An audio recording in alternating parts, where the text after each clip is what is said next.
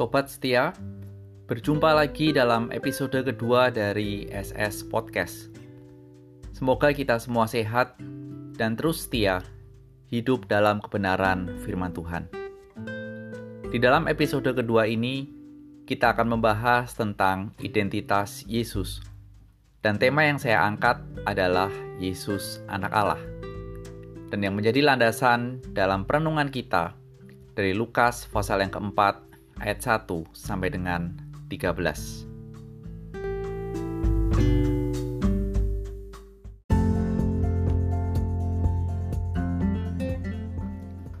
Lukas 4 ayat 1 sampai 13.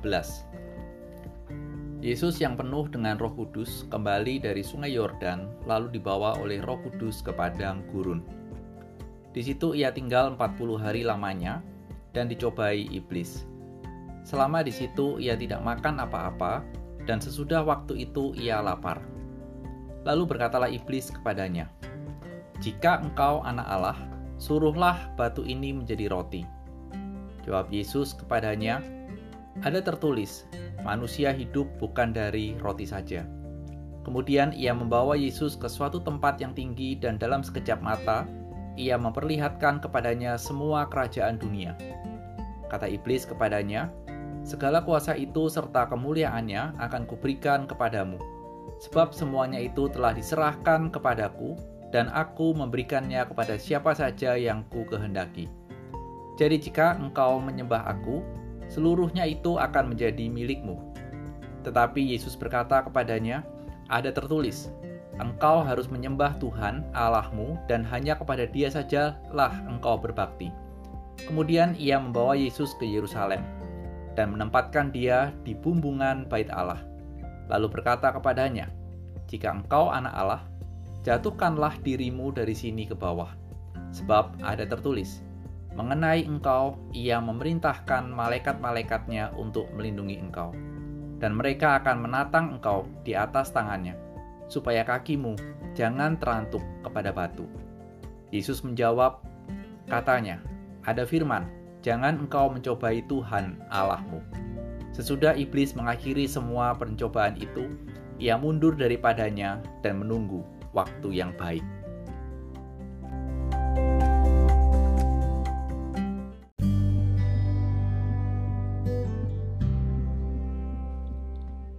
Mari kita berdoa. Tuhan, berilah telinga bagi kami untuk mendengar, dan hati yang peka akan kebenaran firman-Mu sehingga kelimpahan firman-Mu boleh kami nikmati saat ini. Demi Yesus, kami berdoa. Amin. Para pendengar SS Podcast, seorang mencipta lagu bernama Areng Widodo yang menciptakan lagu syair kehidupan disebut oleh Ari Lasso seorang legend dalam dunia musik. Dan dia juga disebut sebagai seorang hebat oleh Anang Hermansyah. Ternyata Pak Areng memiliki anak yang bernama Holly Cesar. Holly Cesar mengikuti audisi Indonesian Idol. Dan ketika para juri mengetahui Holly adalah anak kandung dari Pak Areng, para juri sempat bertanya, apakah dia memiliki kemampuan seperti ayahnya? Ternyata Holly mendapatkan warisan musik dari ayahnya. Holly sangat terampil dan apik dalam bermain gitar dan juga memiliki suara yang berhasil membuatnya lolos dari audisi. Injil Lukas memiliki cerita yang fokusnya kepada Yesus. Bila kita bertanya siapa Yesus, maka pada dalam awal bukunya Lukas menjelaskan bahwa Yesus dikandung oleh Maria dan Yusuf disebut sebagai tanda kutip ayahnya. Namun Lukas juga memberitahukan kepada pembaca dan juga sekarang ini kepada kita di akhir pasal 3 ayat 38, Yesus disebut identitasnya sebagai anak Allah.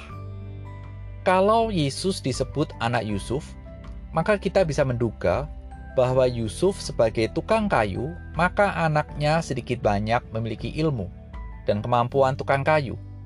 Namun ketika Lukas menyebut Yesus adalah anak Allah, apa yang muncul di dalam pemikiran pembaca pertamanya? Dan apa yang terlintas di dalam benak kita. Berbicara Allah, kita paham bahwa dalam Perjanjian Lama, Salah satu gambaran Allah adalah pribadi yang penuh kuasa. Laut Merah dibelah.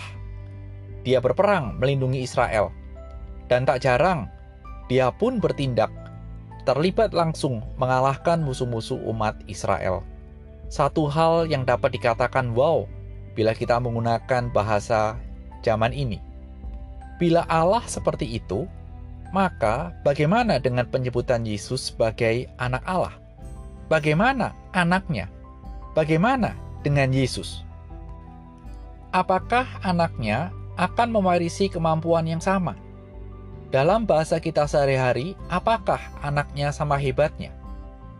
Apakah pembaca Lukas dan kita juga mengharapkan paling tidak adalah sedikit kuasa dan kemampuan seperti Allah dari identitas Yesus yang disebut anak Allah? Namun perhatikan, apa yang menjadi pembahasan di dalam pasal yang kita pelajari hari ini. Kita melihat dalam pasal 4, ketika iblis mempertanyakan identitasnya sebagai anak Allah, ayat 3, jika engkau anak Allah, iblis memperhadapkan Yesus kepada tiga kebutuhan dan keinginan dari kebanyakan manusia. Bukan meminta untuk melakukan seperti Bapaknya, seperti Allah seperti yang telah dilakukan oleh Allah. Perhatikan tiga pencobaan yang dilempar iblis kepada Yesus. Yang pertama, kebutuhan fisik. Makan menjadi pencobaan pertama. Kedua, kilau dan kemewahan ke dunia menjadi cobaan kedua. Genggaman kuasa untuk memerintah menjadi cobaan ketiga. Tiga pencobaan yang saya yakin sangat sulit diatasi oleh manusia seperti kita. Sangat menggoda. Kita tahu, dalam kisah Perjanjian Lama, Adam dan Hawa gagal setia kepada perintah Tuhan karena matanya melihat buah pohon itu sedap kelihatannya, sehingga tidak percaya kepada Tuhan dan mengikuti keinginannya, mengikuti apa yang dia ingin rasakan dan cicipi. Dalam dunia kita sekarang ini, mungkin kita boleh bertanya, berapa banyak anak-anak Tuhan atau umat Tuhan yang tergoda dan berbalik meninggalkan imannya demi kemewahan dan kuasa dalam dunia. Yesus sebagai anak Allah mengatasi tiga pencobaan yang berat itu dengan setia kepada firman Tuhan. Bahkan dia hidup dalam ketaatannya sampai mati di kayu salib guna mengalahkan iblis yang mencari waktu yang tepat untuk mencobainya lagi. Itulah Yesus, junjungan kita. Dalam kehidupan kita sekarang ini, kita tahu bahwa di tengah-tengah pandemi COVID-19 yang menyulitkan banyak orang, kebutuhan dan keinginan fisik adalah penting. Tetapi kesetiaan kepada firman Tuhan, kesetiaan kepada Tuhan dalam menghadapi kesetia, dalam menghadapi kesulitan, jauh lebih penting.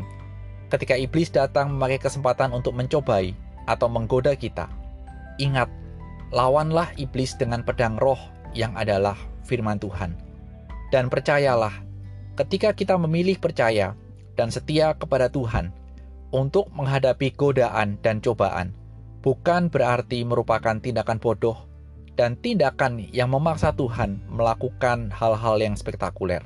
Tetapi itulah tindakan yang bersandar kepada anak Allah untuk boleh berkarya melalui hidup kita, sehingga dia diagungkan dan dipuji. Tuhan, berikan kekuatan dan keberanian kepada kami untuk hidup setia dan taat kepada firman-Mu. Amin.